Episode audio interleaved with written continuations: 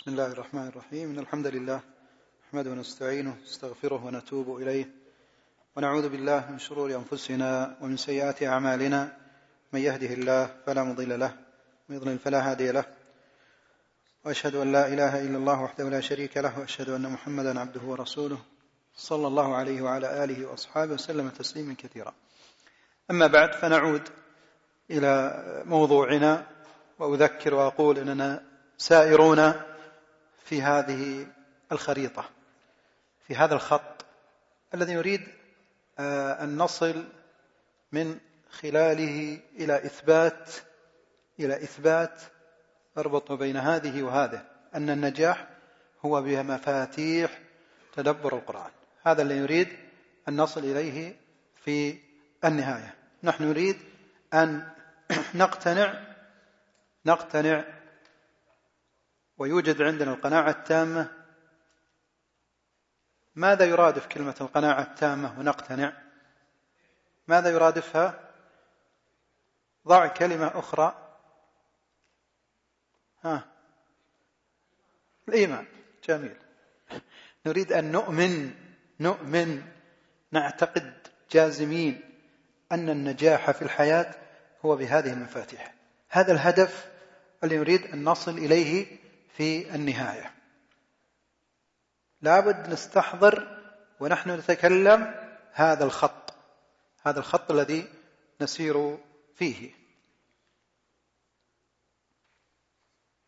فالآن خلصنا هذا المبحث تكلمنا فيه بعدد من المسائل ثم سننتقل لهذا المبحث. مبحث هذا وهذا المبحث بينهما هذه المسألة. مسألة التي عنوانها النجاح هو العلم. النجاح هو العلم. نريد أن نثبت الآن الخطوة أننا ننتقل للخطوة الثانية ثم بعدين سننتقل من الثانية إلى الثالثة وهكذا بنزول وصعود. نزول وصعود ويمين ويسار. إذا هذه الخريطة. شمال جنوب شرق غرب. هذه خريطة النجاح. حقيقة أيها الإخوة إن فقه هذه الخريطة من أهم الأمور في الحياة. ضروري جدا أيها الإخوة. وبين قوسين لا تفوتك. لا تفوتك هذه الخريطة. فهمها وفقهها حقيقة. إذا فقهتها وفهمت واستوعبتها هذا يوفر عليك أشياء كثيرة جدا جدا جدا. فهي خطيرة ومهمة قد تحسون أيها الإخوة أن فيها شوي صعوبة أو عمق أو تداخل يعني نحاول قدر الاستطاعة أننا نسير نسير نسير.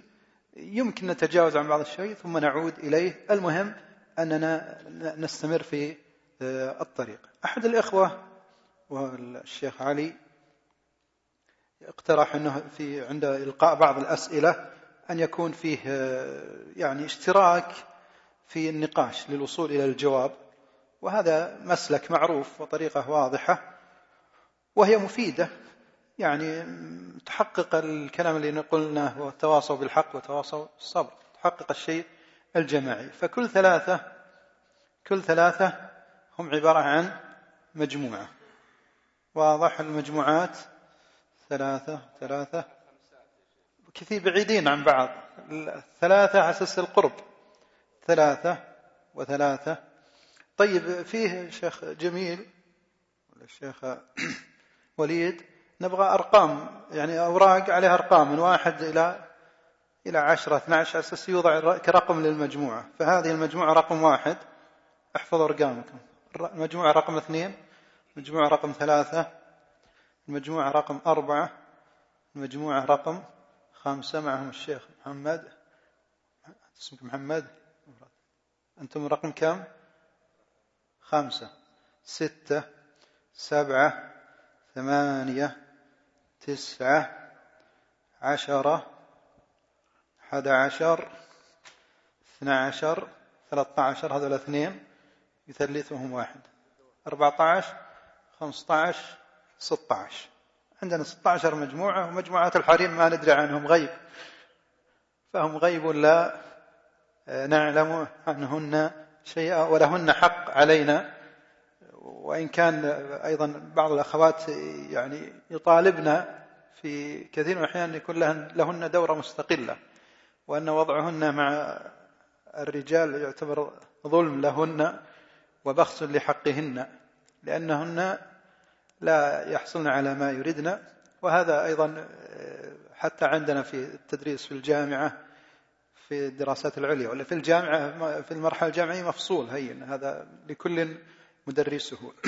فالمقصود يعني هذا الكلام نقول نقول اعتذارا للأخوات. إذا عندنا 16 مجموعة وبقي أنتم الآن عرفتم الأرقام وبقي أن تكتب أمامكم لكي يعني نعلم بها.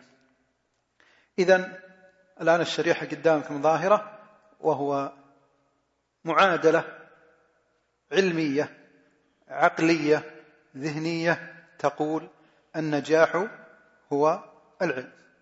نريد إثبات هذا الكلام. يعني نفترض أن واحد جانا يقول لا النجاح هو الفن مثلا. مثلا يعني النجاح هو المال مثلا النجاح هو النوم. إلى آخره إحنا نريد أن نثبت أن النجاح هو العلم. وأكد مرارا وتكرارا أيها الإخوة فتحوا قلوبكم افتحوا أذهانكم يعني حاولوا يكون عندكم سعة أفق في مدلول الكلمات. لا تحصروني في مفهوم معين لكلمة العلم. وإن كان سيأتي لها كلام ما, ما الذي نريده. فالكلمات هذه وش يا شيخ؟ هذه الكتابة؟ إيه. طيب تكتب بالشكل هذا تثنى ثم توضع رقم قدامكم ورقم قدامي. أو لي أنا. بس الرقم. اكتبوا كل مجموعة تكتب رقمها. فأقول يا أخوان يعني حاولوا يحاول الشخص ويسمع مني أن يستحضر يربط لا يصير في تفكيك. طيب. ننطلق الآن على بركة الله لنبدأ الجلسة الثانية من جلسات هذه الدورة التي نسأل الله تعالى أن يرزقنا فيها العلم النافع والعمل الصالح. فنقول النجاح هو العلم. قال ابن القيم في مفتاح دار السعادة في هذا المقام ولعل هذه الشريحة يعني ما أدري هل هي في مكانها أو لا. طيب هذا كلام القيم سنعود إليه. من الأدلة على أن النجاح هو العلم ما يلي. يعني في عندنا عدد من الأدلة من القرآن تؤكد هذا المعنى. طبعا هو المفروض وهذا مشكلة الموضوع. يعني الموضوع بالنسبة لي يعني حسست في صعوبة. يعني قضية ما الذي سيأتي أولا؟ لأن المفروض عندي مسألة في بيان المراد بالعلم. هذه ستأتي فيما بعد. فكان المفروض أن تأتي أولا لكن إحنا نعلم بشكل عام أن العلم المراد به آه، هو العلم النافع الذي اصطلح على تسمية العلم النافع. أو ما ذكره ابن القيم في قضية العلم بالله واليوم الآخر والعلم بالحلال والحرام. كلمة النجاح انتهينا منها وعرفناها. عندنا كلمتان الآن يا أخوان. عندنا النجاح وعندنا العلم. نريد أن نربط بينهما. الدليل الأول لإثبات هذه المعادلة أو هذه القضية أن النجاح هو العلم. وسأسألكم فيما أقول. اللي بيكتب يكتب. سأسألكم. إذا انتهيت من الإثبات انتهيت من البرهان بالنسبة للدليل الأول سأسألكم. وإن كان بغيت أن أحط مسابقة بين المجموعات ما عندنا مانع. وإن كان لن يوجد. سم. هذه زاوية أخرى. زاوية, زاوية أخرى. إيه ماشي. هو حقيقة يعني قد يكون الترتيب المنطقي لطرح المادة العلمية يعني فيه شوي عدم ترتيب لكن سنجيب على السؤال. فقضية الكلام عن العلم من زاويتين من زاويتين في زاوية المضمون وفي زاوية الأداة أو الأدوات. واضح؟ أدوات ومضمون. من جهة الأدوات هو جزءان حفظ وفهم فهم وحفظ من جهة الأدوات. من جهة المضمون في عندنا تقسيمات لكن سنختار تقسيم ابن القيم. طبعا تقسيم أولي للعلم عندنا العلم بمعناه في القرآن وعندنا العلم بشكل عام لأن كلمة علم كل يطلقها. وتعلمون أنتم أن وهذا مذكور في كتاب فتح تدبر القرآن أن أهل العلوم التجريبية يسمون موادهم علم يسمون قسم علمي زمان كان في الثانوي قسم علمي ولا الثاني أدبي. المهم كلمة علم يستعملها كل الناس. نحن نريد منها مفهوم يعني العلم في القرآن. إذا أطلق لفظ العلم في القرآن ويراد به العلم بالله واليوم الآخر والعلم بالحلال والحرام.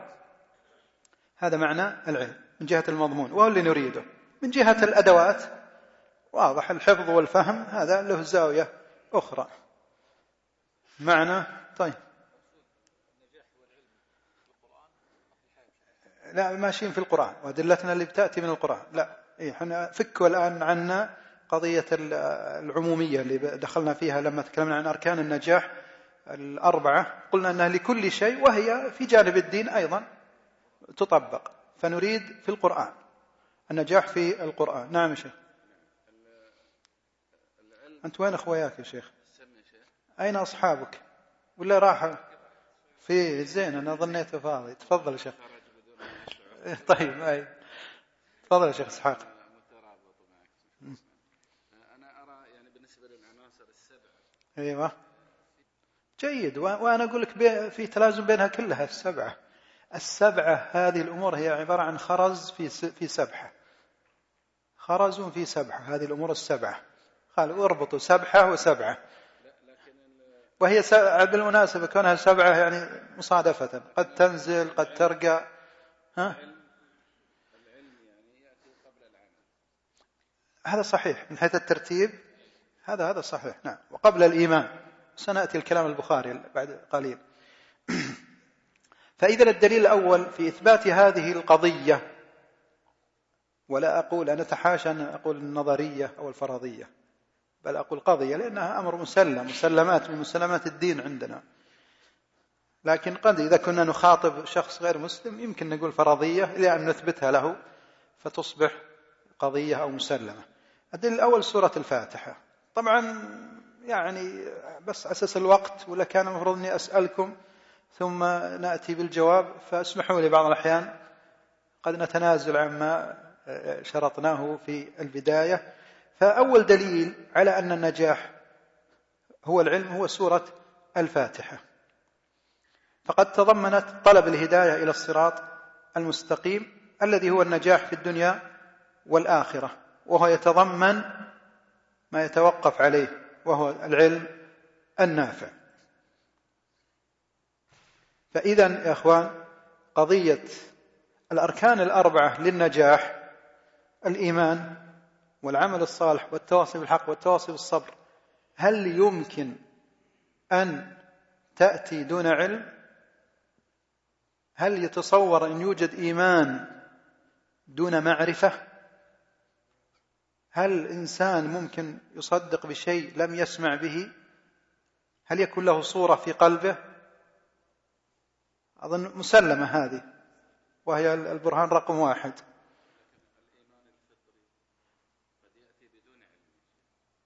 هذا ما ما نتكلم فيه. هذا ما نتكلم فيه. هذا في غيب. هذا غيب. نحن نتكلم عن ما يطلب منا.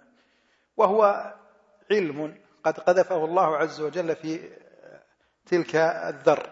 فالمقصود يعني خلنا في في المشاهد. فالمهم اذا يا أخوان اذا يا أخوان ما دام أنه لا يتصور في أحد عنده مناقشة واعتراض على هذه القضية قضية أنه لا يمكن يوجد إيمان دون علم في أحد يقول لا يمكن يوجد إيمان دون علم دون معرفة. هذا إذا معنى وما دام أن النجاح متوقف على الإيمان بالدرجة الأولى فهو الركن الركين للنجاح وما بعده تبع له فإذا النجاح متوقف على العلم. إذا النجاح هو العلم. نترك الواسطة اللي في النص ونقول مباشرة النجاح هو العلم. كنا نقول أن النجاح هو الإيمان والإيمان يحتاج إلى علم. إذا النجاح هو العلم. النجاح هو العلم. أخذناه من هذه الآية هذه السورة. طبعا الكلام هذا سريع في قضية الاستشهاد أو الاستدلال بسورة الفاتحة لأنها قد بينت أن الناجحين الذين أنعم الله عز وجل عليهم هم الذين جمعوا بين العلم والعمل. فدلت هذه السورة على أن الصراط المستقيم النجاح في الحياة هو في العلم. أقسام الناس في الفاتحة بناء على ذلك من يعطينا الأقسام الثلاثة التي ذكرت في سورة الفاتحة؟ على سريع نعم. إيه هذا لو ماذا كان عندهم؟ علم بس؟ عندهم إيمان فقط؟ إيمان وعلم. إيمان وعمل. سنت العلم جاب لهم الإيمان والعمل. عندهم إيمان وعندهم عمل. هؤلاء هم الذين أنعم الله تعالى عليهم. طيب القسم الثاني القسم الثاني من هو؟ عندهم علم بدون إيمان وبدون عمل. جيد. والثالث العكس. العكس وهم الضالون. الذين عندهم إيمان عندهم صدق يعني يريدون حق يريدون الحق وعندهم عمل لكنه على جهل على جهل فلذلك تساووا في النتيجة مع اليهود. إذا هذا المنعم عليهم أهل العلم والإيمان والعمل والمغضوب عليهم علم بدون إيمان ولا عمل والضالون إيمان وعمل بلا علم. الدليل الثاني طيب يا أخوان ترى عقبها البراهين بعد هذه الأدلة ما نبغى واحد يتراجع. يعني خلاص إذا أثبتنا وصدقنا وآمنا وأيقنا أن النجاح والعلم سنرتب عليه شيء فيما بعد بعده. نعم شيخ. طيب هذا هو الكلام اللي نناقش فيه الآن. هذا هو الكلام سؤالك هذا هو اللي نناقش فيه. طيب ما أدري أبا سأعيد ثم بس أسمع سؤالك مرة ثانية. ماشي؟ تسمح لي بهذا. أقول يعني نحن عرفنا وقلنا أن النجاح هو هذه الأركان الأربعة. الإيمان والعمل الصالح والتواصي بالحق والتواصي بالصبر.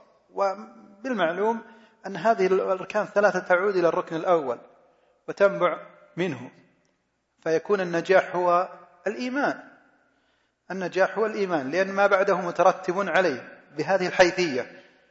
وقلنا قبل قليل هل يمكن أن يوجد إيمان بدون علم؟ قلتم لا. إذا معناه أن الإيمان يتوقف ويعتمد على العلم. إذا النجاح هو العلم. ما دام يعني باللزوم الكلام باللزوم. ما دام يلزم له فإذا تستطيع أن تضعه مكانه. وهذا آه، عادة القرآن في استخدام مثل هذه الألفاظ. ولهذا شواهد. طيب سؤالك مرة أخرى. إيه. ممكن واحد يأخذها ويقول النجاح هو العلم فقط. إنما أنا فقط بس لا. يعني نقصد يحدد له يقول بداية النجاح العلم هو الخطوة الأولى هو البداية. لا كلمة بداية هذا عبارة غير سليمة. كلمة البداية.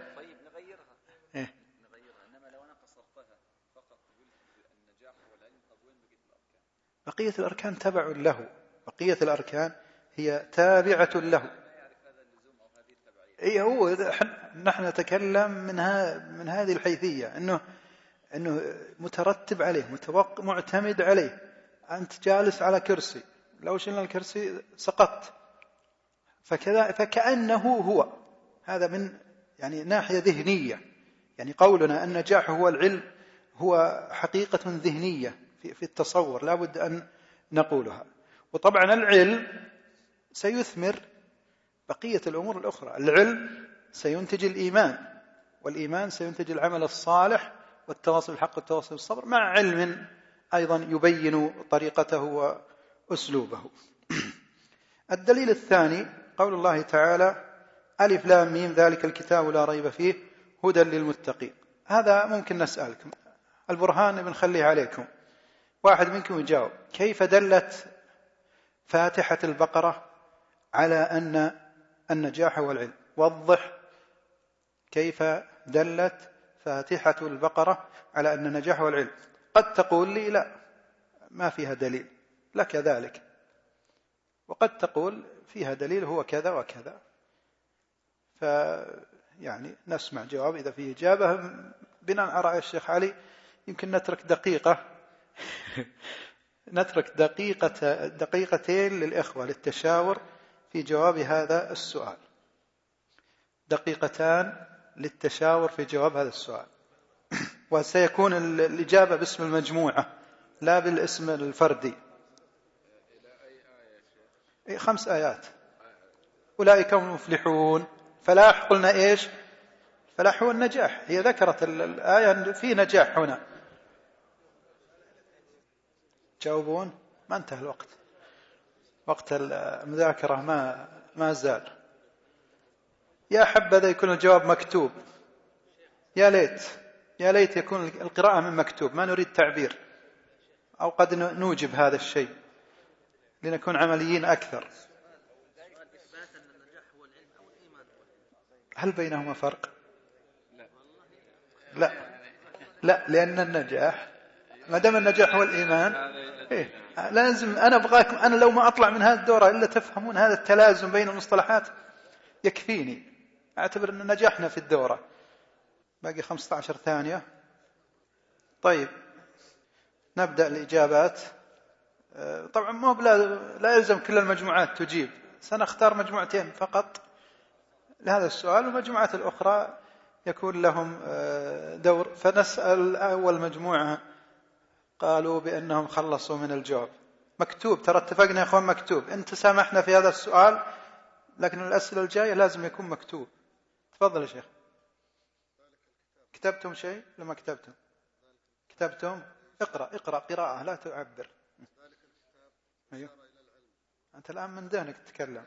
إيه طيب. ذلك الكتاب. أيوة. نسمع يا إخوان الجواب. انتهى وقت التشاور. أيوة. وهو إيش؟ جيد. ناشي هذا استطراد هذا. ما علينا من القسيس علينا من شغلاتنا. طيب. ماشي. طيب ذلك الكتاب وش فيه؟ خذ خذ الميكروفون. الكتاب. الكتاب يا شيخ وسيلة للعلم. جيد. وهذا الكتاب هدى للمتقين. بعده ماشي. جيد ممتاز. هذا جواب. نسمع مجموعة ثانية. مجموعة ناطق الرسمي الشيخ محمد. نجيب لك الميكروفون. هات. يا حبذا تكون قراءة حرفية من المكتوب. عندكم جواب؟ ترى اخترناكم. إيه طيب. يفترض أن كل مجموعة عندها جواب. الكتاب هو القرآن وهو أفضل علم والهدى هو العمل وهو يعني الدلالة على الخير في الدنيا والآخرة. طيب. و... وذلك أيضا كثير في القرآن إن هذا القرآن يهدي للتي فالقرآن هو العلم والهداية هي العمل. طيب ماشي. ممتاز. باقي آخر مجموعة نسمع منها الجواب معليش. طيب الشيخ علي يلا. اقرأ. الذين يؤمنون بالغيب دلت على العلم. طيب. و... ويقيمون الصلاة ويؤتون الزكاة هذا نتاج لهذا العلم فهو العمل. العمل. طيب. على كل يعني لاحظت من خلال أجوبة الإخوة المجموعات الثلاث ما في ربط. ما عليش اللي فرصة أخرى. شلون؟ ما أدري أنا ما نقدر نسمع من كل نبي نمشي. أنا أتوقع أن عدم الإخوة وصله فالمقصود نقول الرابط بين قضية إحنا نتكلم عن إيش؟ نقول العلم هو النجاح. العلم أو النجاح هو العلم. ترى صح كذا ولا كذا؟ لازم تختار لنا من الدليل اللي نذكره. كلمات دلت على العلم وكلمات دلت على النجاح. وأن الآيات فعلا أن أثبتت أن هذا متوقف على هذا. فالإخوة المجموعات الثلاث لم يذكروا قضية المفلحون. أولئك على هدى من ربهم وأولئك هم المفلحون.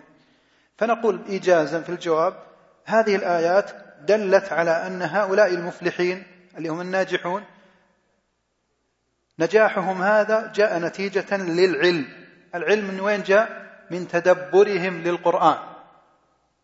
ذلك الكتاب لا ريب فيه هدى للمتقين. تدبروا هذا القرآن وعلموا ما فيه فعملوا أقاموا الصلاة وأنفقوا وآمنوا بالغيب فأفلحوا. فدلت الآيات على أن العلم هو النجاح وأن النجاح يكون بالعلم دلالة قاطعة وواضحة كالشمس. هدى هذا التدبر هدى للمتقين هذا لازم النجاح أو مرتب وما توقف على الشيء. ما توقف عليه الشيء يمكن أن يكون هو. زي أحد الأخوة يسألوني سألتموني قبل؟ إيش قلتوا قبل شوية لما قالوا أنت تريد أن تقول أن العلم هو النجاح ولا الإيمان هو النجاح. قلت لا فرق. لا فرق.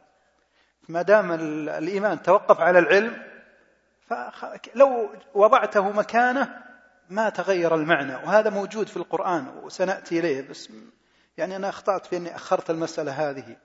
وأنا ماشي مع سكة الشرائح ما أقدر أقدم ولا أخر. وإلا سنج... سنقف على مسألة بعد قليل أن العلم والإيمان في القرآن ذكر على ثلاثة أضرب.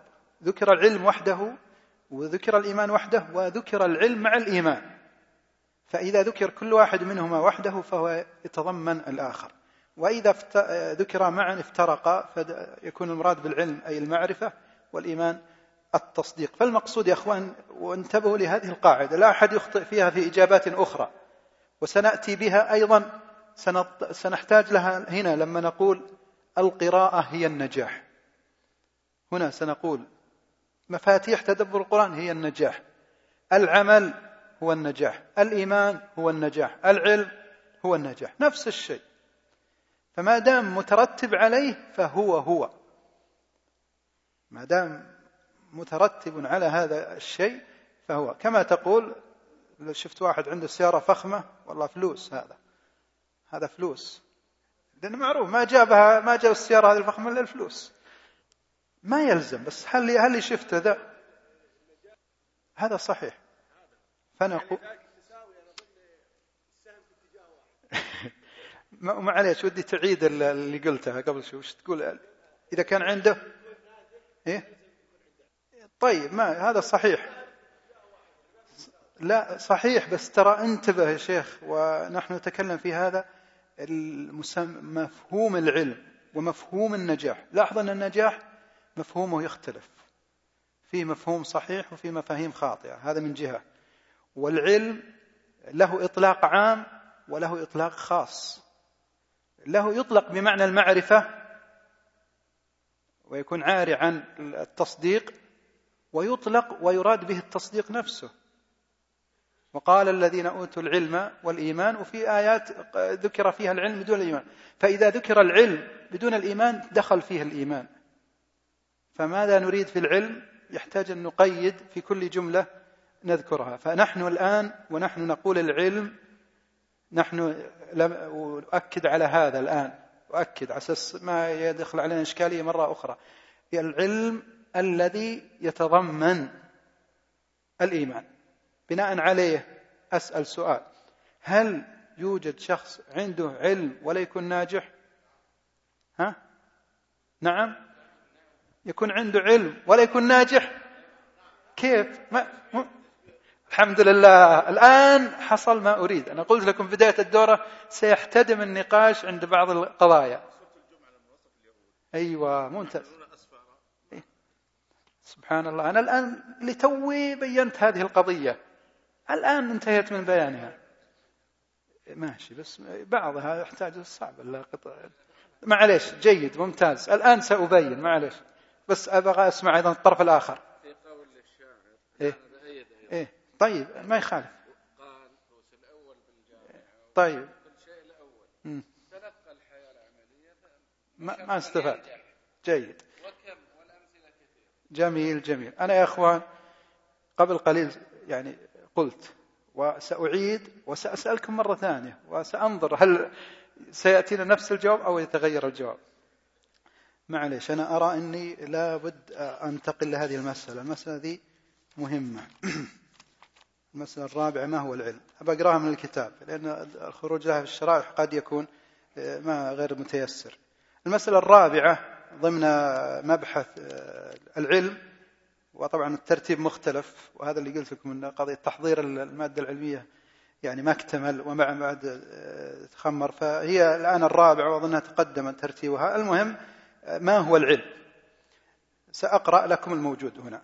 من أبرز وأظهر وأشفى بيان لا ليست هذه المسألة. أريد مسألة أخرى وهي العلم والإيمان. العلم والإيمان. من الأدلة المسألة الثالثة المسألة المسألة الثانية. العلم والإيمان في آيات القرآن. العلم والإيمان في آيات القرآن. ورد ذكر العلم والإيمان في القرآن على ثلاثة أضرب. الأول ذكرهما معا. مثل قول الله عز وجل وقال الذين أوتوا العلم والإيمان لقد لبثتم في كتاب الله إلى يوم البعث. هذه هذا مثال. مثال قول الله تعالى يرفع الله الذين آمنوا منكم والذين أوتوا العلم درجات. والثاني ذكر العلم وحده. قال الله تعالى قل آمنوا به أو لا تؤمنوا إن الذين أوتوا العلم من قبله إذا يتلى عليهم يخرون الأذقان سجدا. لاحظوا الآن مذكور العلم بس ما ذكر معه الإيمان. وقال الذين إن الذين أوتوا العلم من قبله. نعم. من قال من قال إنه بدون علم؟ بعلم ليس بدون علم. الله عز وجل يقول أوتوا العلم. يقول أوتوا العلم. اي هذا واضح. ما أدري وش الإشكال في ذهنك. اعطنا إياه. شلون؟ هذا اللي نريد ان نصل إليه ممتاز. قول الله تعالى وليعلم الذين أوتوا العلم أنه الحق من ربك فيؤمنوا به فتخبت له قلوبهم. ثم وقال الذين أوتوا العلم ويلكم ثواب الله خير لمن آمن وعمل صالحا. إلى آخره المهم باختصار على أساس ما أطيل في قراءة هذا المبحث عندنا يا إخوان كلمة هي ومثلها مثل الإسلام والإيمان. وهو قضية المصطلحات إذا اجتمعت أو افترقت. عندنا العلم وعندنا الإيمان وعندنا العلم والإيمان. إذا أطلق لفظ العلم قيل العلم بس أوتوا العلم. وطبعا هذا يعرف من السياق في في القرآن. فيدخل فيه الإيمان. يدخل فيه الإيمان. يعني يكون علم عن تصديق مثل الآية اللي قرأتها لكم. إن الذين أوتوا العلم من قبله إذا يتلى عليهم يخرون للاذقان سجدا. فهنا ذكر العلم ولم يذكر الإيمان فدخل فيه الإيمان فهم مصدقون. وكذلك إذا ذكر الإيمان وحده فإنه يتضمن وجود العلم وجود العلم. إذا ذكر العلم والإيمان فهنا الآن كل واحد منها له معنى. العلم اللي هو بمعنى المعرفة والإيمان بمعنى التصديق. وليس العكس. بعض الإخوة أظن أظن بعض الإخوة فهم إنه إذا ذكر العلم وحده إنه بمعنى المعرفة فقط التي لا يقترن بها تصديق. هذا غير صحيح. هذا غير صحيح. بل إذا ذكر وحده من خلال استقراء آيات القرآن الكريم فإنه يستلزم وجود التصديق. طيب بعيد الآن السؤال. ولن أعقب على ما يأتي من إجابات بس فقط أريد أسمع الإجابات. ولا بنتهي من هذه المسألة. لا نريد أن نطيل فيها. أسألكم أيها الإخوة هل يوجد علم ولا يوجد نجاح؟ هل يوجد علم فقط نعم أو لا؟ هل يوجد علم؟ بمعنى لاحظوا نتكلم في القرآن. ما هو بشكل عام كما قلنا قبل قليل عن اليهود أنهم عندهم علم ولا عندهم عمل. هذا تركناه انتهينا منه. اي هذا هذا هذا تركناه. شلون؟ اي نعم. العلم المتضمن إذا أطلق العلم. اي خلاص الحمد لله. انتهينا من هذه العلم المتضمن للإيمان وهو الطريق إلى آه، النجاح أو هو النجاح. ومن جهة أخرى فيه فهذا لك لكن نتركها. الدليل الثالث قال الله تعالى قد أفلح من تزكى هذه دلالتها واضحة أن من تزكى فقد أفلح والفلاح هو النجاح. والتزكية بإيش تكون بالعلم. الدليل الرابع حديث أبي كبشة الأنماري وهو طويل ونتركه اختصارا وإن كان مهم وجميل جدا. هو كله شاهد لازم مع بعض. يقول النبي صلى الله عليه وسلم فيه إنما الدنيا لأربعة لأربعة نفر. حديث أبي كبشة الأنماري. إنما الدنيا لأربعة نفر. رجل آتاه الله علما وآتاه مالا فهو يعرف لله فيه حقا. يعرف يعلم لله حقا يصدق يؤمن أن لله فيه حقا فهو ينفقه في في سبيل الله. ورجل آتاه الله علما ولم يؤته مالا فهو يقول يا ليت لي مثل مال فلان فأفعل به مثل ما يفعل. فيقول النبي صلى الله عليه وسلم فهما في الأجر سواء. ورجل آتاه الله مالا ولم يؤته علما فهو لا يعرف لله فيه حقا. ورجل آتاه الله لم يؤته الله علما ولا مالا فهو يقول يا ليت لي مثل مال فلان فأفعل به مثل ما يفعل فهما في الوزر سواء. هذا الحديث دل على أن النجاح هو العلم وليس المال وليس المال. بدليل نقولها مباشرة بدليل الشخص الثاني. الثاني ما عنده إلا علم فقط. ومع ذلك صار في نفس المنزلة التي فيها الرجل الذي عنده مال. فهذا فيه دليل على شرف العلم وأنه هو النجاح أو الطريق إلى النجاح. وأؤكد مرة أخرى أن إذا أطلقنا كلمة العلم أنه يدخل فيها التصديق يدخل فيها الإيمان اللي يراد بها الإطلاق العام وليس الإطلاق الخاص. تستلزم العمل يستلزم العمل. هذا ما يتصور لا يوجد. يكون عنده علم بمعناه الخاص اللي هو المعرفة ولا يكون عنده عمل هذا ممكن. لكن يكون عنده علم وعنده آه، إيمان ولا يوجد عمل هذا عنده معرفة ما عنده إيمان. هذا عنده معرفة وليس عنده نقص عنده الإيمان. الإيمان مفقود. شلون؟ العمل صحيح نعم. بلا شك زي ما تقول آه، يعني إذا لو قلت لي أن في شخص عنده علم وإيمان ولا عنده عمل كمن يقول والله وجدت شخص مقطوع رأسه ويتكلم. مستحيل. تلقى واحد مقطوع رأسه يتكلم اللهم إلا إن كان في العجائب ما ندري. لكن الأصل انتهى. فعلم وإيمان لازم عمل. لازم. لابد نعم شيخ. هي هذه معرفة زي معرفة اليهود. كمعرفة اليهود هذه نسميها معرفة ليس ما ليس فيها تصديق.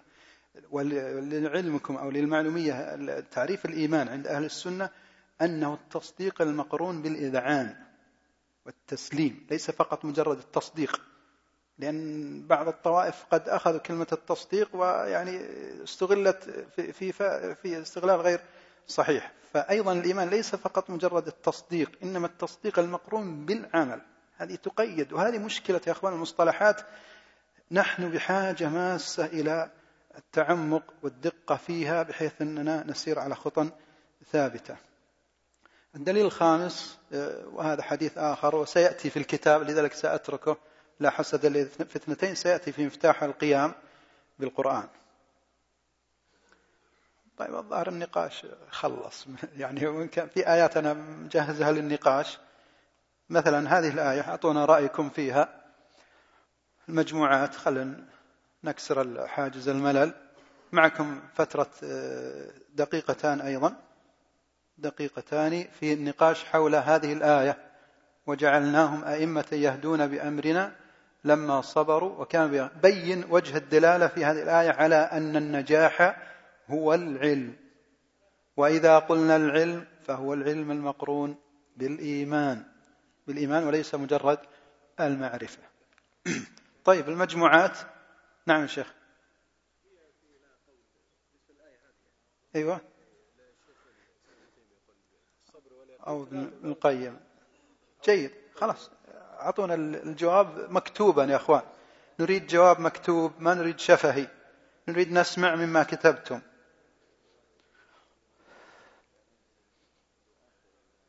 أظن كافي دقيقتين كافية. نعم. إذا افترق اجتمع إذا اجتمع افترق. شلون؟ النجاح والعلم. كيف دلت هذه الآية على جيد خلها معك. طيب. جيد ممتاز. خلاص. أعتبر لنا ما شاء الله يعني والله الحمد وصلنا إلى مستوى رفيع جدا. طيب أخوان نسمع الإجابات. وين راح اللاقط؟ وين وديناه؟ عند آخر مكان. اللاقط عند من؟ بسم الله. إيه. طيب نسمع الإجابات. الجيران أقرب الناس. طيب. أولا تسلم من هذه الآية فيها دلالة ولا لا؟ هذا نبدأ كبداية. فيها دلالة. زين. لأن بعضكم قد يقول إنه لا ليس فيها دليل. ماشي. وجه الدلالة النجاح أنهم جعلوا أئمة جميل ممتاز. والعلم في دلالة الصبر يستلزم منه الإيمان واليقين كما ذكر في الآية. جيد. والإيمان واليقين هما العلم. وهو الذي أوصلهم إلى جيد ممتاز. طيب المجموعة هذه كانوا يريدون أن يجيبوا إي ما عليش. سم يا شيخ.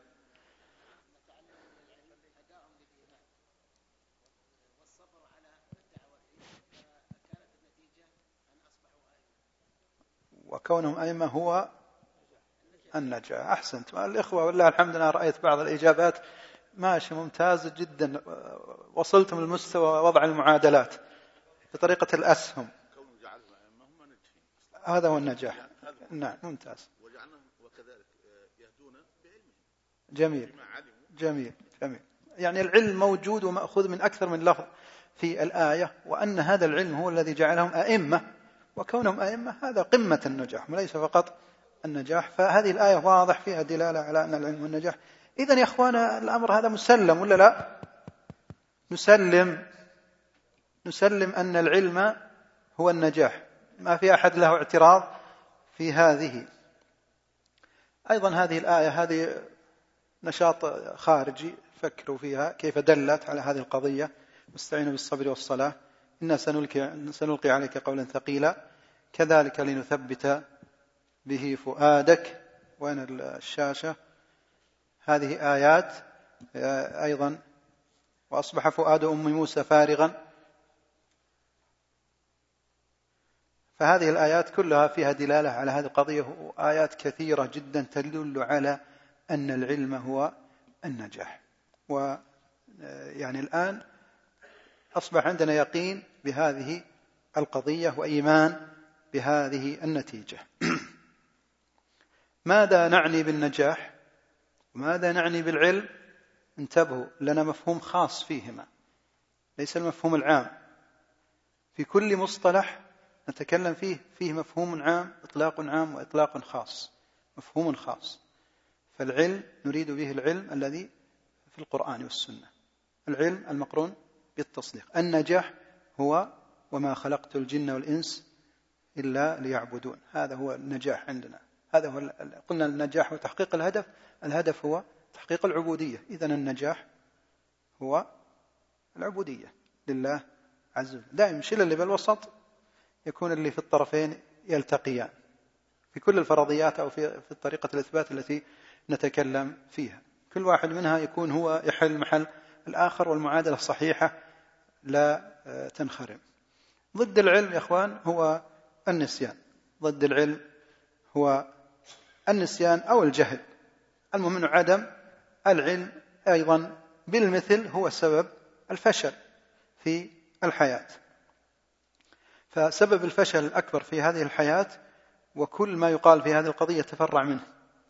كل المشكلات التي تناقش يعقد لها حلقات نقاش أو برامج إذاعية أو برامج تلفازية أو مؤتمرات أو بحوث أو كتب. كل مشكلات الحياة سببها الفشل. يمكن بعضكم الآن في نفسه يدور كلام يقول لا فيها أسباب في كذا كذا. مثل انحراف الأبناء فيها الصحبة السيئة في كذا في كذا. فنقول كل ما تذكره من أسباب كل ما تذكره من أسباب في وجود مشكلة في الحياة فهي فرع فرع عن هذا الأصل وهو قضية عدم العلم أو النسيان. هي صحيح فعلا أسباب لكنها ليست أسباب مباشرة إنما هي أسباب نتجت عن أسباب. أسباب نتجت عن سبب رئيس أصلي وهو قضية النسيان. كل مشكلة كل فشل في هذه الحياة كل تعاسة كل شقاء كل نكد كل قصور كل نقص في هذه الحياة يا أخوان سببه عدم العلم. وهذا الوجه الآخر للأمر الأول الذي قلناه أن النجاح هو العلم. وبالمقلوب بالمعكوس نقول أن سبب الفشل هو عدم العلم. بنسيان يعني بعلم ثم نسيان أو بجهل. من الأدلة الصريحة جدا على هذه آه، القضية آية عظيمة في القرآن الكريم ذكرها الله تعالى عن أبينا آدم وهو يمثلنا جميعا هي لآدم ولبني آدم كلهم وهو قول الله عز وجل ولقد عهدنا إلى آدم من قبل فنسي ولم نجد له عزما. فالذي أوقع آدم في آه، النقص هو قضية النسيان. ومن اللطائف في هذه الآية أنه قد جاء قبلها أولا ذكر إنزال الكتاب وكذلك أنزل لهم قرآنا عربيا لعلهم يتقون أو يحدث لهم ذكرا إلى أن قال أيضا وقل ربي زدني علما. ثم بعدها مباشرة ولقد عهدنا إلى آدم من قبل. ففي هذا تأكيد على هذا المعنى أن سبب النجاح في الحياة سبب التخلص من جميع أنواع المعاناة حل جميع المشاكل هو في العلم. هذه قواعد كلية لا ندخل في تفريعات أو في يعني آه، أشياء صور إنما هي قاعدة كلية دون تمثيل. أيضا آية هذه بين أيديكم نشاط. كيف دلت هذه الآية على أن الفشل سببه النسيان؟ لاحظوا أن القرآن وهذا عام مضطرد فيه أن الله سبحانه وتعالى يذكر الشيء ويذكر ضده. يذكر الوجهين للشيء. وذلك مزيد بيان وإيضاح واستقصاء وحصر. ما يدع فيه مجال. إذا قلت لواحد اذهب من هذا الطريق. اذهب من هذا الطريق. سيظن أن قصدك اذهب إلى ذلك المكان. سواء من هذا الطريق ولا من الطريق الثاني والطريق الثالث. لكن إذا قلت اذهب من هذا الطريق ولا تذهب من هذا الطريق. خلاص الآن حصرت له القضية. أعطيته يعني تعليمات تامة واضحة. انتهيت. فكذلك أسلوب القرآن. يجمع بين الترغيب والترهيب ويذكر الشيء وضده خاصة في هذه القضية التي تلاحظون كيف ذكرت وبكثرة في القرآن. كيف قررت أن النجاح هو العلم والآيات اللي مرينا عليها هي جزء قليل من الآيات الكثيرة في القرآن تؤكد هذه القضية. وكذلك معكوسها معكوسها وهو أن الفشل سببه النسيان. فانتهينا من الآية الأولى ولقد عهدنا إلى آدم وآية تحتاج إلى وقفة ومذكور أنها كلام في مفتح تدبر القرآن. الآن نبغى جوابكم كمجموعات كيف دلت هذه الآية على أن الفشل في الحياة سببه النسيان. بعبارة خلال سطر ونص لكم دقيقة واحدة لظهور الجواب وعدم غموضه. نعم. وهذه مسألة دقيقة. طيب. كيف دلت هذه الآية على آه، أن الفشل في الحياة بجميع صور سببه النسيان؟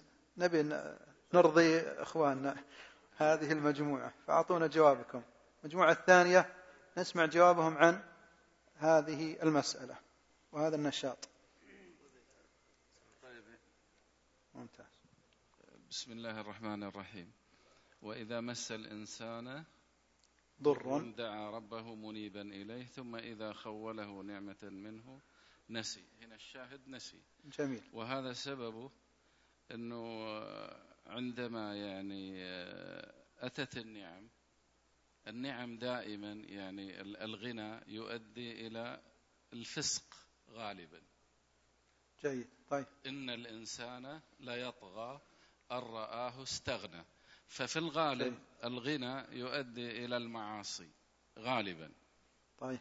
ويؤدي إلى آه، النسيان. في حالة ال- الفقر وإذا مس الإنسان ضر آه، فقر مرض شدة آه، يلتجئ إلى الله سبحانه وتعالى. في ممتاز حالة الترف والم- والمال وجود. المال ينسى. طيب. ينسى ربه. جيد فبيكون النسيان في ال- المعاصي تؤدي إلى ال- النسيان وتؤدي طبعا بالنتيجة إلى الفشل. الفشل. طيب وش الفشل في. الآية؟ نعم. ما هو الفشل في الآية؟ الفشل؟ إيه؟ النسيان. لا نسيان سبب. ما بعد جاء ما ذكرت في الآية بقية الآية. ها يا نعم، شيخ نسي. ما كان يدعو ها؟ إليه.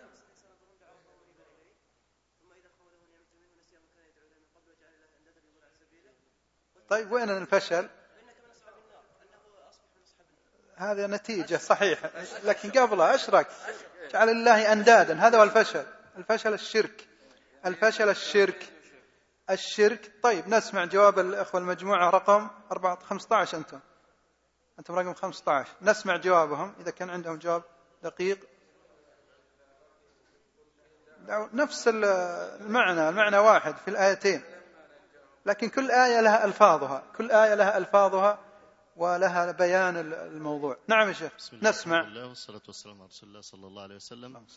فإذا أصاب الإنسان النسيان وهذا هو السبب أصابه الفشل والشاهد من الآية وجعلوا لله أندادا وهو الشرك. جميل. فالفشل سببه النسيان. سببه النسيان. والذكر كان سببا لإيش؟ للنجاة. للنجاح. والنجاح ما هو في الآية؟ دعا ربه منيبا مخلص ما فيه إلا الله. لما وجدت الشدة وجد العلم. حين وجدت الشدة وجد العلم وجد النجاح. لما ذهبت الشدة وجد النسيان وجد الفشل وهو الشرك. يعني هي متلازمة خطوات يلحق بعضها بعضا ويترتب بعضها على بعض. لكن إحنا نريد أن نتكلم عن لفظ مباشر للآية.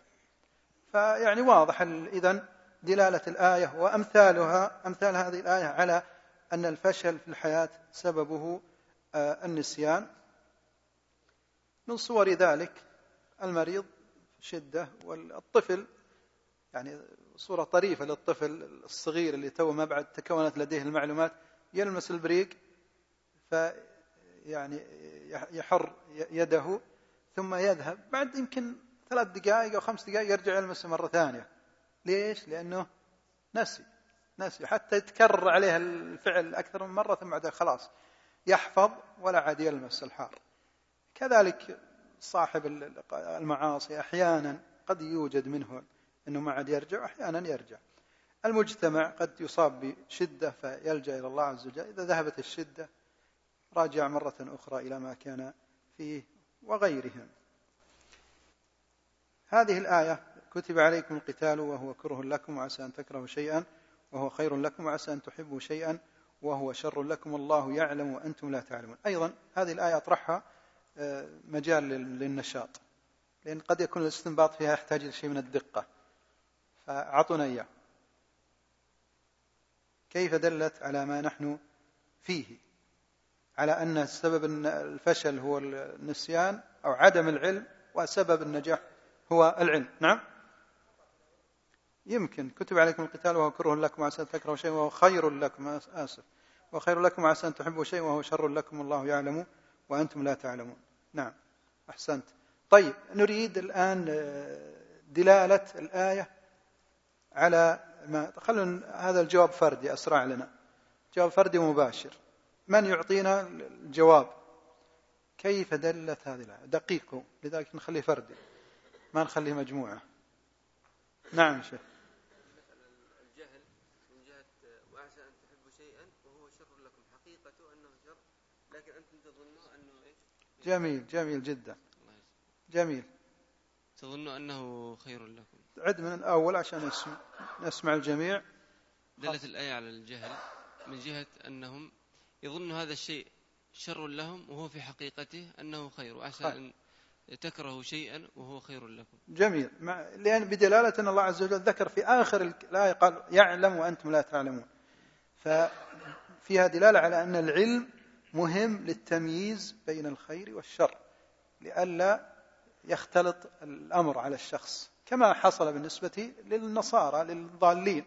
هؤلاء ظنوا الخير شرا والشر خيرا قلب عليهم. فإذا لا بد من العلم لمعرفة وحقيقة الخير والشر. وثم أيضا نحن بحاجة للعلم لفعل الخير وترك الشر.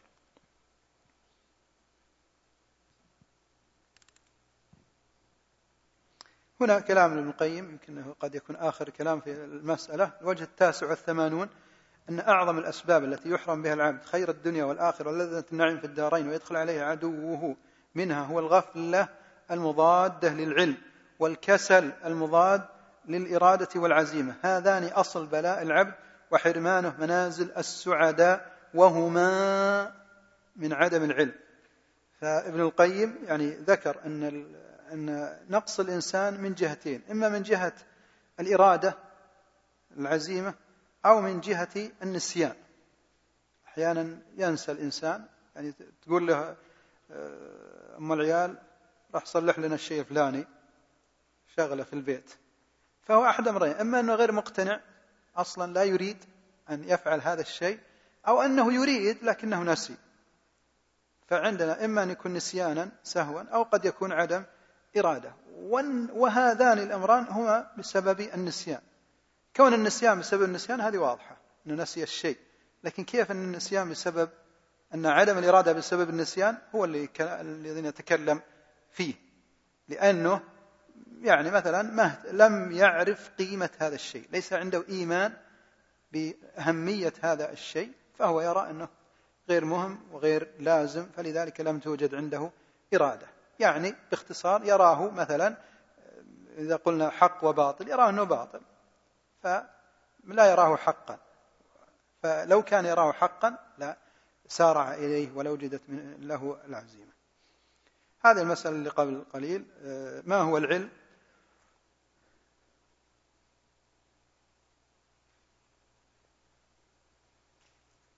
هذه مصطلحات العلم في القرآن. يعني ذكر لفظ العلم في القرآن بأكثر من لفظ.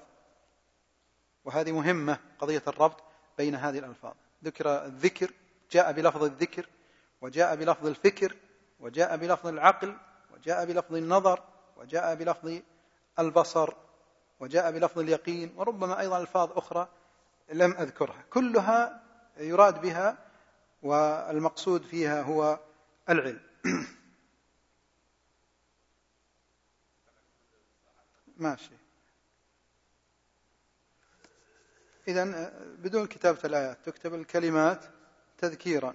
الذكر والفكر وكل كلمة هذا هذا الجذر هذا ولا لها تصريفات كثيرة في القرآن. لا يتفكرون تتفكرون لم يتفكروا يتذكرون تتذكرون يعقلون يعقلها إلى آخره. قل انظروا ثم نظر لها تقليبات. فارجع البصر يبصرون البصيرة إلى آخره يوقنون اليقين. العلم العلم والإيمان نعم. ذكر الإيش؟ العقل ذكر وما يعقلها إلا العالمون. العلم والإيمان في آيات القرآن. ورد ذكر العلم والإيمان في القرآن على ثلاثة أضرب اللي ذكرناها. الأول ذكرهما معا. الثاني ذكر العلم وحده الثالث ذكر الإيمان وحده. وعليه فانهما اجتمعا افترقا اذا افترقا اجتمعا فعند اجتماعهما يراد بالعلم المعرفة ويراد بالإيمان التصديق. وعند افتراقهما في القرآن فيراد بكل واحد منهما الاثنين مع بعض. فهذا ما ينبغي أن نفهمه في آيات القرآن الكريم.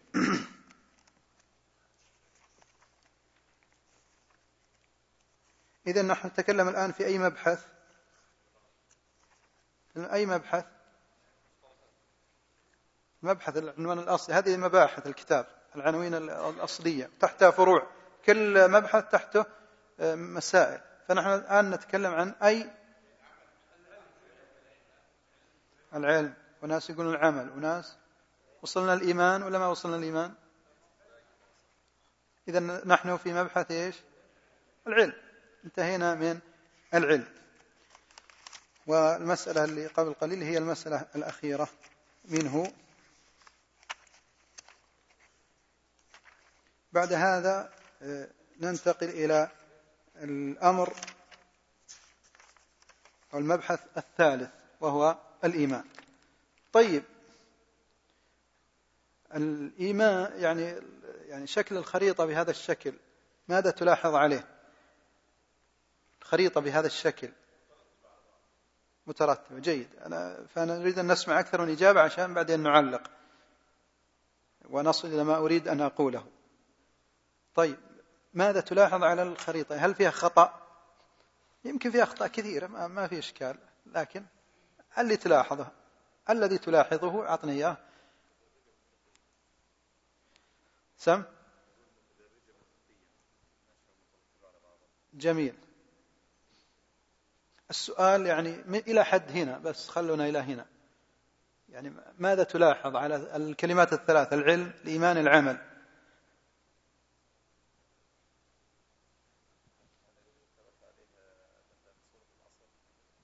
إيه الذين آمنوا وعملوا الصالحات وتواصوا بالحق وتواصوا بالصبر. طيب أحد له تعليق؟ يعني أي أي كلام؟ إذا له أحد. إذا ما له أحد ما أنت ملزوم تتكلم يعني. ها؟ ماشي إحنا قلنا تنزل تحت وترقى فوق هذه ما فيها إشكال. اثنين وثلاثة وأربعة يؤدي إلى واحد. نعم يا شيخ بس بشوف اللي أبغى أشوف اللي يجيب اللي في نفسي. كيف؟ عن سابق هنا. كيف؟ إيه. كيف؟ باب العلم قبل القول والعمل. طيب شوف. ها في أحد يستطيع يتنبأ؟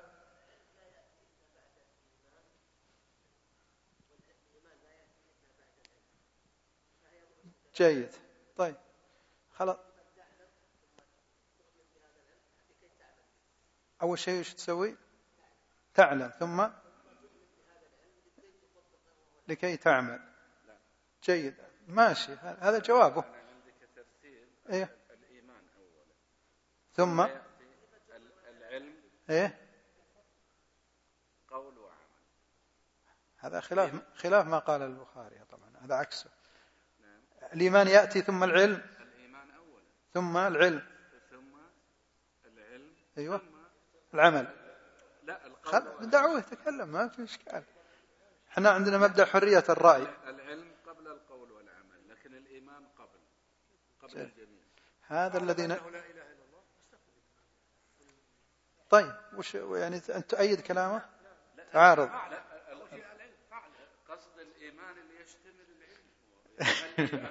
لا هذه بالمر بالراجع. هذه بالراجع ذي. هذه بالطريقة العودة اللي قلنا أنها من فوق لتحت من تحت إلى فوق تجي. طيب عموما يا أخوان آخر إجابة معليش نسمع الشيخ بدر.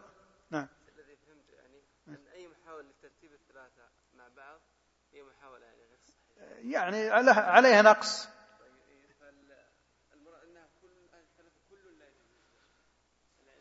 جميل جميل. طيب عشان ما نطيل بس بهالقضية ذي خلاص أنت أخذت حقك يا شيخ. أخذت حقك وحق غيرك في الحديث. ما شاء الله في كبر السن يعني تقواني تغلبني ماشي. طيب.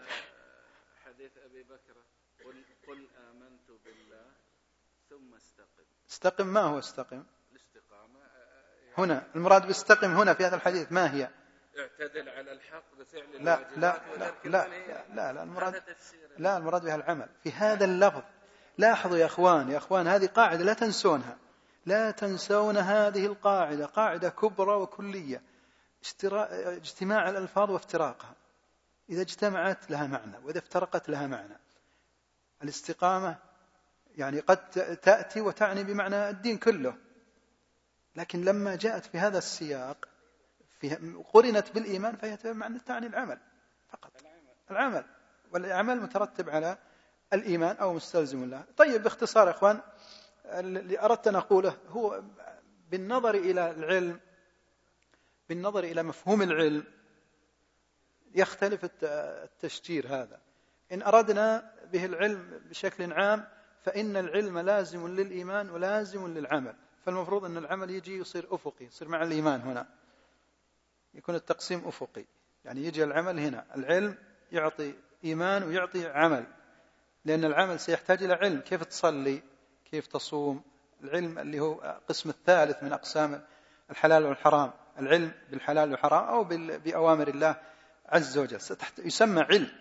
والعلم بالله واليوم الآخر هذا يسمى أيضا علم وهو الإيمان. الإيمان عندنا العلم أقسام ثلاث ما لها من رابع والحق ذو التبيان كما قال ابن القيم العلم بالله والعلم باليوم الآخر باليوم الآخر والعلم بالحلال بالأمر والنهي والأمر والنهي الذي هو دينه.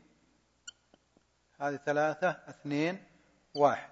هذه اثنين واحد هذا هو الإيمان.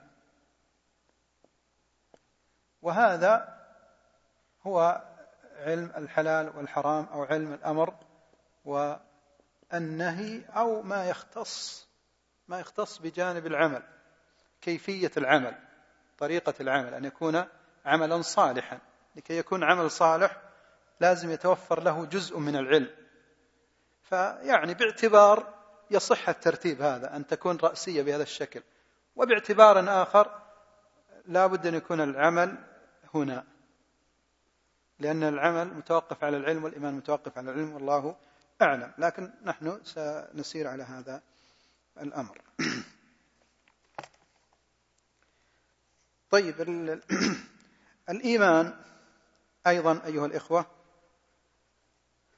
الإيمان وهذه أيضا قد تكون جولة جديدة مع صراع المصطلحات صراع الألفاظ.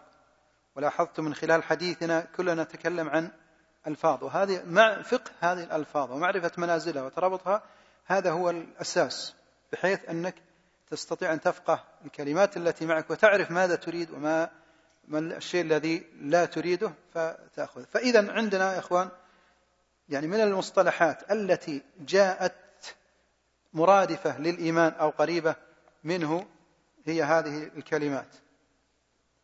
التقوى اليقين لا ليس اليقين. تقوى الرجاء مثلا الخوف الخشوع الخشية وهكذا. الفاظ يعني وردت في القرآن ومنها أيضا لفظ اللي معنا الآن الإرادة النية. كلها ألفاظ يعني هي ليست لا يصح أن قول إنها مرادفة للإيمان إنما هي تبين يعني التعبير الدقيق فيها أنها تبين أعمال القلب أو أحوال القلب وما فيه من إيمان بوجه عام. كل ما في القلب يطلق عليه يطلق عليه إيمان. وهذا الإيمان له صور له أشكال له أنواع له ألوان باعتبار معاملة الله عز وجل باعتبار معاملة المخلوقين باعتبار جهات معينة من الرجاء عندنا أيضا كلمة أخرى مهمة كلمة الحب. كل هذه الكلمات هي حقيقة كلها في دائرة واحدة أو محيط واحد.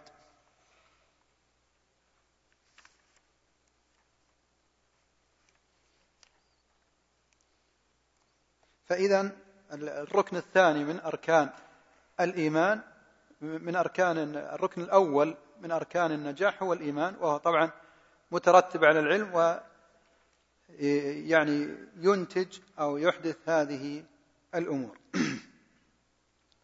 هذه إذا الإرادة نستطيع أن نقول الإرادة هي الإيمان والإيمان هو إرادة. منكم من يريد الدنيا. يريد الدنيا أي يؤمن بها أو يسعى إليها أو يرغب فيها أو يحبها أو يؤثرها بل تؤثرون الحياة الدنيا إلى آخره. لاحظوا أن هذه الكلمات يعني متقاربة تدل على أحوال قلبية وعلى أحوال نفسية. هذا معنى أردنا أن نبينه في جانب الإيمان. لاحظ الآن أنا ونحن نسير في خط البيان خريطة النجاح ونحن نشرح خريطة النجاح تدرجنا وقلنا النجاح هو العلم وأولا آه، نعم النجاح هو المفروض أن هذه هذه جاية قبل.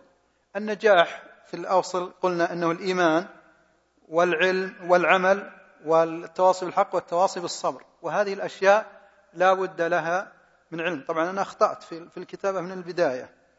من البداية المفروض أن هذا يجي رقم أربعة.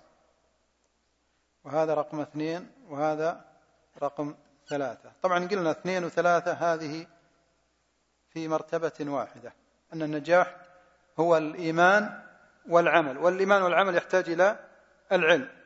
ف ماذا؟ فإذا الآن نتكلم عن مسائل متعلقة بهذه الكلمة أو بهذه اللفظة. التي بين أيديكم. ذكرت أن أن هناك مرادفات لكلمة الإيمان. ينبغي أن تكون واضحة عندما نقرأ الآيات أو عندما يلاحظ الإنسان على المشاعر النفسية له. لما تقول لا أريد لما يعني يطلب منك شخص وتقول لا أريد. واضح؟ أنت التعبير الظاهر لنا أنك تقول لا أريد. فكلمة أو لا أحب أو لا أرغب. لا أرغب. هذه كلها كلمات قريبة من الإيمان. تدل على أن فيه إيمان أو فيه عدم إيمان يعني فيه اقتناع فيه اقتناع في هذا الشيء أو ليس فيه اقتناع. الشخص اللي يقول لا أريد لا أحب هذا شخص يعني واضح أنه غير مقتنع بما يطلب منه. تقول للطفل أو للولد يلا مش للمدرسة. فيقول لك لا أريد. التعبير الظاهر له يقول لا أريد. ولكن حقيقة الأمر أنه قد فقد الركن الأول من أركان النجاح وهو عدم الإيمان. هدفي وقصدي من هذا الكلام أنه ينبغي أن يعني نعرف منازل ومراتب الألفاظ التي نستخدمها في الحياة. ونربطها بما نتكلم عنه قضية أركان النجاح. من هذه الآيات التي معكم تلك الدار التي بين أيديكم ظاهرة تلك الدار الآخرة نجعلها الذين لا يريدون علوا في الأرض ولا فسادا. وكذلك آه، ومن أراد الآخرة وسعى لها سعيها. وأيضا في آية آه، للذين يريدون وجه الله. هذه آية دقيقة جدا في قضية أن الإرادة تأتي بمعنى الإيمان. يريدون وجه الله يقصدون وجه الله. وهو قضية الإخلاص ابتغاء ما عند الله وهذا هو حقيقة الإيمان. هذه إذا نستطيع أن نقول يعني نستطيع من خلال هذا الكلام يعني من خلال هذا التقرير والتقعيد وهذا نشوف رأيكم هل أنتم موافقين أو تقولون لا؟ هل تقولون لا ولا تقولون نعم؟ لو شلت هذه الكلمة أو خلنا يكون بوجه أدق لو قلنا آه، والعصر إن الإنسان لفي خسر إلا الذين آمنوا آمنوا وعملوا الصالحات الآخر لو شلت كلمة آمنوا ووضعت كلمة أرادوا أو شلت كلمة الإيمان ووضعت بدلها كلمة الإرادة قوة الإرادة مثلا هل هذا الكلام صحيح أو غلط؟ هل هذا صحيح؟ يعني أنا أقول أن النجاح يستلزم قوة الإرادة أو قوة العزيمة. قوة العزيمة قوة الإرادة قوة الرغبة الحماس. يعني إيش رأيكم في هذه المصطلحات؟ هذه الكلمات. هل هي فعلا ينوب بعضها عن بعض أو لا؟ فخلاص أنت يا شيخ استنفدت. استنفدت آه، حقوقك كاملة. فنسمع الإخوة اللي ما سمعنا لهم صوت. وأنت كذلك. السؤال أقول لو شلت كلمة آمنوا ووضعت بدلها كلمة أرادوا صح ولا غلط؟ هذا باختصار يعني وفيه له تفريعات. نعم خلنا نسمع. صحيح. صحيح. طيب. في أحد لديه إجابة أخرى مغايرة أو مطابقة؟ يعني صحيح. لا عدوا له عدة ولكن كره الله بعد. هل معنى أرادوا معنى آمنوا؟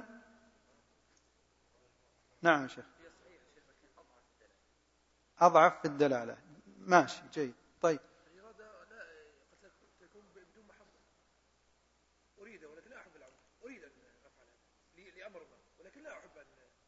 ليس يقينا هذه مسألة أخرى. ماشي نأتي لها أو نأتي للبيان. جيد ماشي نعم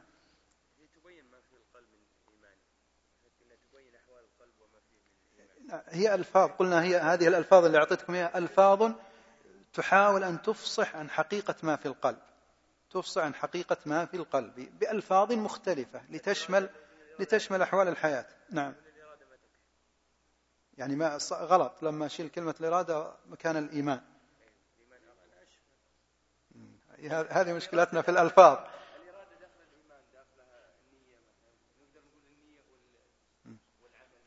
طيب شوفوها من زاوية أخرى. يعني حاولوا تشوفونها من زوايا أخرى. نعم.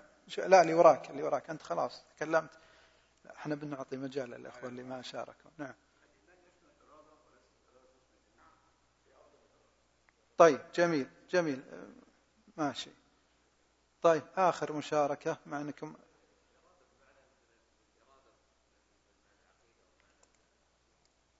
طيب. ماشي. على كل نقول يعني جوابا على هذا. نفس الفذلكة اللي قلناها لما قلت أن العلم هو النجاح أو الإيمان هو النجاح. هي الإرادة حقيقة هي هي أقرب أقرب منظور للواقع. هي آخر خطوة في الإيمان. يعني الخطوة اللي يجي بعدها العمل. فكأننا نتصور أن الإيمان عبارة عن درج. فدرج يمشي. لما آخر خطوة التي تسبق العمل يطلق عليها الإرادة. يطلق عليها الإرادة اللي سيأتي بعدها مباشرة التنفيذ. فهي أمر قلبي الإرادة واضح. حتى من استقراء الآيات واستقراء الأحاديث أمر قلبي بلا شك ليست من قبيل العمل أو الجوارح. هذا ما ما أظن فيها إشكال ولا فيها خلاف. لكن كون ننص على أنها هي مكان الإيمان يصح من وجه ولا يصح من وجوه أخرى بحسب استعمال اللفظ. فبخلاصة الجواب نقول أن الإرادة هي نتيجة وثمرة للإيمان. نتيجة وثمرة للإيمان فيصح أن نضعها مكانه بهذا الاعتبار بهذا القيد فقط.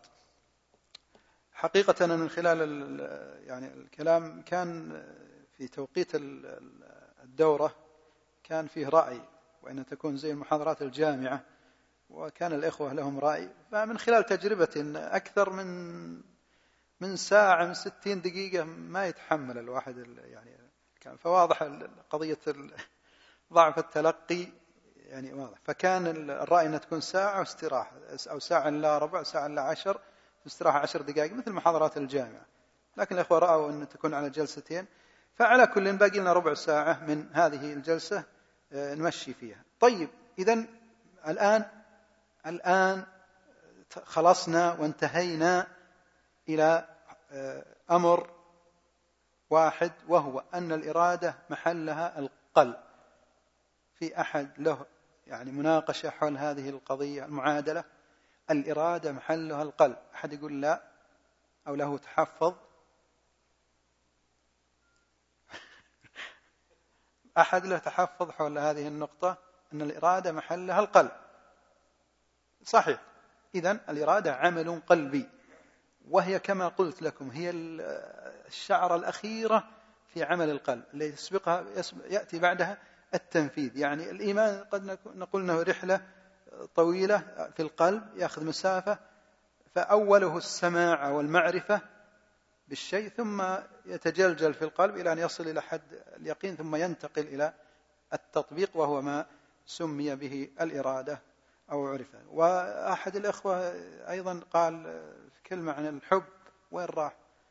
قال؟ إيه ذكرنا إياها. وش كنت قلت؟ مم. أيوة. لا يستلزم أن تكون جميع إذا إذا هذا السؤال وين راحت الشرائح هو أنواع الإرادة. أنواع هو موضوعنا المسألة الجاية. أنواع الإرادة. أنواع الإرادة. جميل. الإرادة أربعة أنواع كما سيأتي حسب التقسيم التالي. جاء بيان هذه الأنواع الإرادة في قول عز وجل كتب عليكم القتال وهو كره لكم. وعسى أن تكرهوا شيئا وهو خير لكم. وعسى أن تحبوا شيئا وهو شر لكم. والله يعلم وأنتم لا تعلمون. الإرادة تتركب من أمرين. هي أربع بتأتي الحين. لكني أيضا أريد أن أضع حاشية في الكلام. طيب يمكن بعضكم يسأل يقول أنت كنت تتكلم عن النجاح والعلم والإيمان وش دخلك الإرادة؟ وش طلعنا الإرادة؟ لو قال الواحد كذا وش تجاوبون عليه؟ ماذا تجيبون عليه؟ الإرادة هي الإيمان. نحن نتكلم إذن في المبحث مبحث الإيمان وهو المبحث الثاني. مبحث الثاني. فنحن الآن نتكلم عن الركن الأول من أركان النجاح. قلنا أركان النجاح أربعة. أركان النجاح أربعة. الإيمان العمل التواصي التواصي. فنحن بدأنا الحديث بشيء بتفصيلات جزئية لهذا الركن وهو ركن الإيمان. هذا الإيمان كيف يكون شكله ألوانه تقسيماته؟ ونحن نتكلم عن يعني جزئية من الإيمان وهي الثمرة النهائية له. الثمرة النهائية للإيمان التي تؤدي إلى العمل. فأرجو الربط بين هذه المفاهيم. إذا نقول الإرادة تتركب من أمرين. الحب وضده الكره وهذا هو الإيمان. الخير وضده الشر وهو العلم. شلون الآية؟ الآية خلاص انتهينا منها. كتب عليكم القتال وهو كره لكم إلى آخر الآية. واضح؟ فنقول أن الإرادة هي أربعة أقسام لكن التقسيم هذا مبني على شيئين على الإيمان وعلى العلم. الحب وضده الكره هذا هو الإيمان. معروف الإيمان هو الحب الحب والإيمان الإرادة كلها تراها مترادفة أو متقاربة. كل واحد تبين زاوية.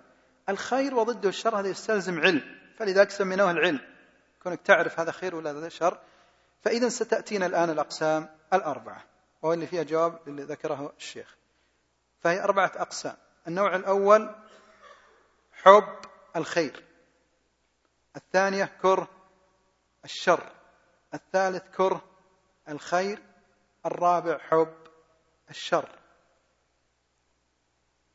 واضح؟ عندنا حب وكره عندنا خير وشر. ركبهم مع بعض يطلع عندك الأنواع الأربعة معليش الشريحة راقي فوق. النوع الأول هو حب الخير. حب الخير هذا النوع الأول. النوع الثاني كره الشر. النوع الثالث كره الخير. النوع الرابع حب الشر. هذه أربعة أنواع. هذه الأربعة أنواع انقسم الناس بإزائها إلى ثلاثة أقسام. وهم نفس الأقسام المذكورين في الفاتحة. المنعم عليهم والمغضوب عليهم والضالين. الذين أنعم الله تعالى عليهم هم الذين أحبوا الخير وكرهوا الشر. هؤلاء المنعم عليهم. أحبوا الخير وكرهوا الشر. فهؤلاء هم المنعم عليهم. المغضوب عليهم هم الذين أحبوا الشر وكرهوا الخير. طيب الضالين وينهم؟ من يطلعهم لي؟ يلا يا أخوان. جوابها يعني ذكرناه فيما سبق. الضالون بالنسبة لهذه القضية وين هم وين مكانهم؟ بالنسبة للخير والشر والحب والبغض. نعم شيخ. الضالون؟ لا ما كرهوا الخير. لا. وين جاوبناه ترى يا أخوان؟ هذا اللي أقول لكم لابد من الربط. ما أحب الخير. ما أحب الشر. ها؟ إيه يلا كأنك لقيتها. لا لا موجودين. لا أنا أكد أكد لك إنهم موجودين بس تراهم من زاوية ثانية تجيبهم. اللي يركز معنا وإحنا قبل شوي الشريحة اللي قبلها يستطيع إنه يستنبط الجواب. ها يا شيخ لعلك تكون أسد وتجيب الجواب. كره الشر كره الشر وكره الخير لا. كره الشر صح أما كره الخير لا. ها بديت أجاوب أنا. أحسن. طيب فصل.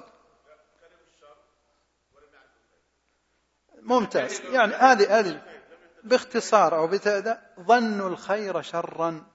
والشر خيرا. مقلوبة عندهم. هم يحبون الخير ويكرهون الشر لكن الخير عندهم شر والشر خير. مقلوبة عليهم. هؤلاء هم الضالون وهم القسم الثالث. هم الذين ليس لديهم علم. لما تكلمت بالبداية قلت الخير والشر هو جانب العلم الحب والكره هو جانب الإيمان. فجانب الإيمان بالنسبة لليهود غير موجود. مقلوب. حب الشر وكره الخير. وأما الضالون القصد عندهم سليم يحبون الخير يكرهون الشر لكن مقلوب عليهم. الشر خير والخير شر فلذلك صار في النتيجة مثل المغضوب عليهم سواء. وهذا مثاله مثلا التشبيه له إن كان هو واضح لكن زيادة إيضاح. كاثنين تناولا شيئا معينا. الأول هم تناولوا سما. الأول عارف إنه سم ومقدم على علم لكنه حب هذا الشر. الثاني لا أكل السم يظنه دواء يظنه علاج. هو يريد العافية يريد الحياة ويريد الخير بس يظن ان السم علاج. فهذا حال الضالين. فهذه أنواع أربعة هذه الأنواع الأربعة هي أنواع الإرادة. هذه الإرادات يا أخوان في هذه الإرادات في القلب.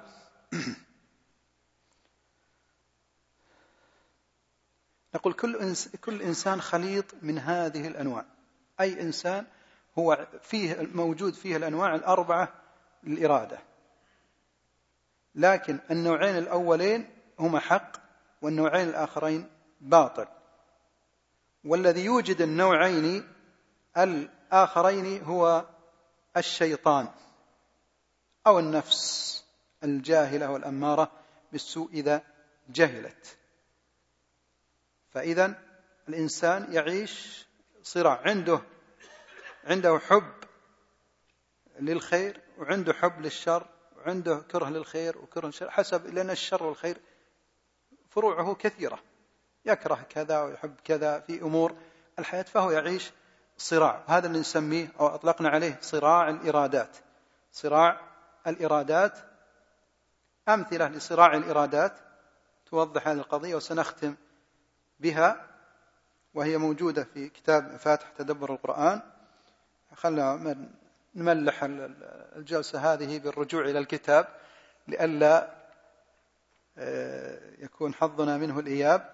في صفحة سبعة إحنا أول ما بدينا الدورة فتحنا على صفحة خمسة والآن نفتح على صفحة سبعة.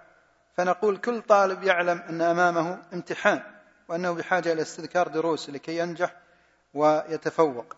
فهذا الطالب الآن كشرح الكلام الطالب عنده حب للنجاح لكن عنده حب آخر ما هو؟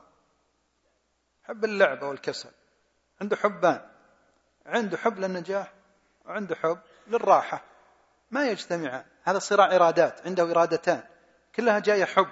لكن المتعلق واحد خير واحد شر فعنده صراع. كذلك المسلم يعلم أنه سيموت وأنه محاسب على أعماله. هذه يعني هذا علم صحيح لكن أيضا فهو يحب النجاة في الآخرة ويحب اللعب أو يكره الجد ويكره العمل. ففي عنده صراع في الإرادات وغيرها أمثلة كثيرة. تريد الصلاة لكن تريد أن تنجز الأعمال. تريد تكسب أرباح. فتجد الإنسان عنده صراع يريد أن يصلي ثم لا قد لا يذهب إلى الصلاة. يريد أن ينفق. يحب الثواب النفقة لكن يحب الفلوس. يريدها تبقى في جيبه. فهو يعيش صراع. فما الذي ينقذه من هذا الصراع؟ هذا السؤال نختم به آه، جلستنا هذه. ما الذي ينقذ؟ بكلمة واحدة أبغى الجواب فقط. كلمة واحدة. ولو كان عندنا وسيلة كتابة بورقة صغيرة عشان ما حد يسمع جواب أحد لكن فنسمع واحد ما تكلم. نعم يا شيخ. العلم. جيد. غيره؟ جواب كلمة واحدة. نسمع أكثر من إجابة. الإيمان وسمعناه من الشيخ أيضا الإيمان. أيضا. الإرادة. الإرادة. طيب. ها؟ لا جاء كلمة واحدة بس نبغى. الإيمان ولا القوة؟ التقوى. طيب جيد. آه آخر إجابة نسمعها. طيب إذا كما قلت الإجابات اللي ذكرتموها كلها صحيحة. العلم أو الإيمان أو التقوى وهي فرع عن العلم والإيمان هو فرع عن العلم. وطبعا إلى الآن ما انتهينا إلى قضية إثبات آه، خريطة النجاح والذي نريد أن نصل إليها في النهاية أن النجاح هو بهذه المفاتيح. هذا المبحث يا أخوان السادس هو أخطر مبحث في خريطة النجاح وهو الذي عليه الركيز وسأحاول قدر أستطاع أنظم الشرح بحيث أني أبدأ فيه أول العصر. لأن نعتبره شلون؟ السادس اللي هو القراءة. السابع هذا حقيقته مو مبحث مستقل. بس أنه لا جيت تنظر خريطة النجاح هو فعلا مستقل لكن من حيث البحث النظري هي ست مباحث البحث. فالبحث السادس سأبدأ به سأمر على هذا سريعا. هذا يمكن أتجاوزه. هذا فيه مسألتان فقط. مبحث العمل في مسألتان قصيرتان. القلب فيه كلام طويل. وقد أخشى أن نتعارك وإياكم فيه. والمادة العلمية التي فيه مبنية على بحث آخر بعنوان فهم الذات. فهم الذات قضية القلب مركز التحكم مكان العقل وإن كان يعني هذه قد أخشى ندخل في مسائل فسأنتقل لأني أرى أنه الزبدة في لهذه الدورة. ثم بعدين أرجع إلى هذه إذا بقي وقت. في مسألة المسألة الأولى قضية أن العمل يحتاج إلى آه، إرادة وقدرة. وفيه فذلكة لقضية الإرادة والقدرة في حد مأخوذة من دعاء موسى عليه السلام رب اشرح لي صدري ويسر لي أمري. ومن جهة أخرى أنه يحتاج إلى عقلها وتوكل يحتاج إلى فعل أسباب ويحتاج إلى توكل في مسألة ثالثة وهي يمكن في ثلاث سطور فقط وهي كيف يكون صالحا العمل كيف يكون صالحا يعني ثلاث مسائل في العمل والقلب يمكن فيه أيضا حوالي خمس مسائل نرجع لها. أهم شيء سنبدأ بمبحث القراءة لأنه هو أخطر مبحث في هذه آه، في خريطة النجاح. وكل الكلام اللي الماضي تستطيع أن تقول أنه نظري. والوجه العملي الوجه العملي لهذا البحث هو هنا في السادس. هو الوجه العملي وهو اللي يعني يقترب من هذا الكتاب مفاتح تدبر القرآن. فتدبر القرآن ما هو؟ هو عبارة عن قراءة. قراءة بكيفية معينة. آه، نقف عند هذا الحد ونشكركم جميعا الإخوة والأخوات على حسن الاستماع والإنصات والتفاعل الحيوي مع المادة العلمية. مرة أخرى أؤكد أن الكلام الذي نتكلم فيه هو كلام علمي دقيق وعقلي ومعروف أن الأمور العقلية تنهك الجسد أكثر من الأمور البدنية. هذا شيء معروف ومسلم فيه. وقد تسبب اللي يدور الرجيم اللي يدور عن نظام للرجيم بدون أن يتعبه. عندك الأمور الذهنية العقلية الدقيقة الفعلية مو التسلية. فعلا تنهك الجسم وتضمر الجسد وتسبب له الصحة والعافية بإذن الله تعالى. فأقول المادة العلمية التي بدأنا الكلام عليها من تقريبا ثمان وربع بدأنا وإحنا الآن 11 ونص. أخذنا استراحة فقط 15 دقيقة أعتبر والله الحمد. يعني الصبر والتحمل عندكم جيد ومرتفع جدا ونريد أن نخرج يعني في نهاية الدورة بثمرة عملية نستطيع أن تكون واضحة ومفقطة ماذا استفدنا أو ما هي الأهداف التي أخذنا في الدورة. مرة أخرى أيضا أعتذر إليكم أننا أخذنا هذه الدورة بدون هذا الكتاب. وإن كان الشيخ جميل موجود ولا موجود؟ كان موجود في كنا نتكلم بشكل آه، وينه؟ لا خليك مكاني بس بقول لهم أن الشيخ جميل ترى هو اللي السبب. الشيخ أنا طلبت منه التأجيل. مرارا وتكرارا وألح أنها تكون يعني في هذا الوقت فجبنا لكم الأكل ولم ينضج. ولعلكم تلاحظون من خلال الإلقاء أن المادة العلمية ما بعد اكتملت ولم يعني أستوعبها كثيرا. لكنها قيمة وفعلا يعني كونه طلب أن تكون في هذا الوقت في فيه مبادرة بالخير. ولعلنا نستفيد مما سمعنا. وإن شاء الله إذا صدر الكتاب يصلكم بإذن الله هدية مجانية للأخوة الحاضرين لهذه الدورة عن طريق الأخ جميل ويكون فيه مذاكرة لما ذكر فيه العلم. وأكد مرة أخرى أن فهم خريطة النجاح يعني ضروري جدا لكل مسلم ومسلمة. ضروري جدا. لا يصح أن تكون جاهلا بهذه الخريطة. وهذه الخريطة يعني تمثل تشعبات كثيرة في الذهن وفي في المفاهيم. وهذه التشعبات ينبني عليها عمل ليست أمور ذهنية خالصة فقط إنما هي ينبني عليها عمل في تربية النفس وتربية الغير. إذا فهمت هذه الخريطة فهم صحيح فبإذن الله ستوفق في إدارة أسرتك إدارة فعالة وعلى بصيرة وعلى هدى ومن أقرب الطرق ومن أسهلها وأيسرها. ويصدق عليك المثل الذي يقول يعرف من أين تؤكل الكتف. يعني فعلا تعرف ما هو محل الخلل محل الداء وتضع عليه الدواء بإذن الله عز وجل. والله تعالى أعلم. صلى الله وسلم على نبينا محمد وعلى آله وصحبه أجمعين.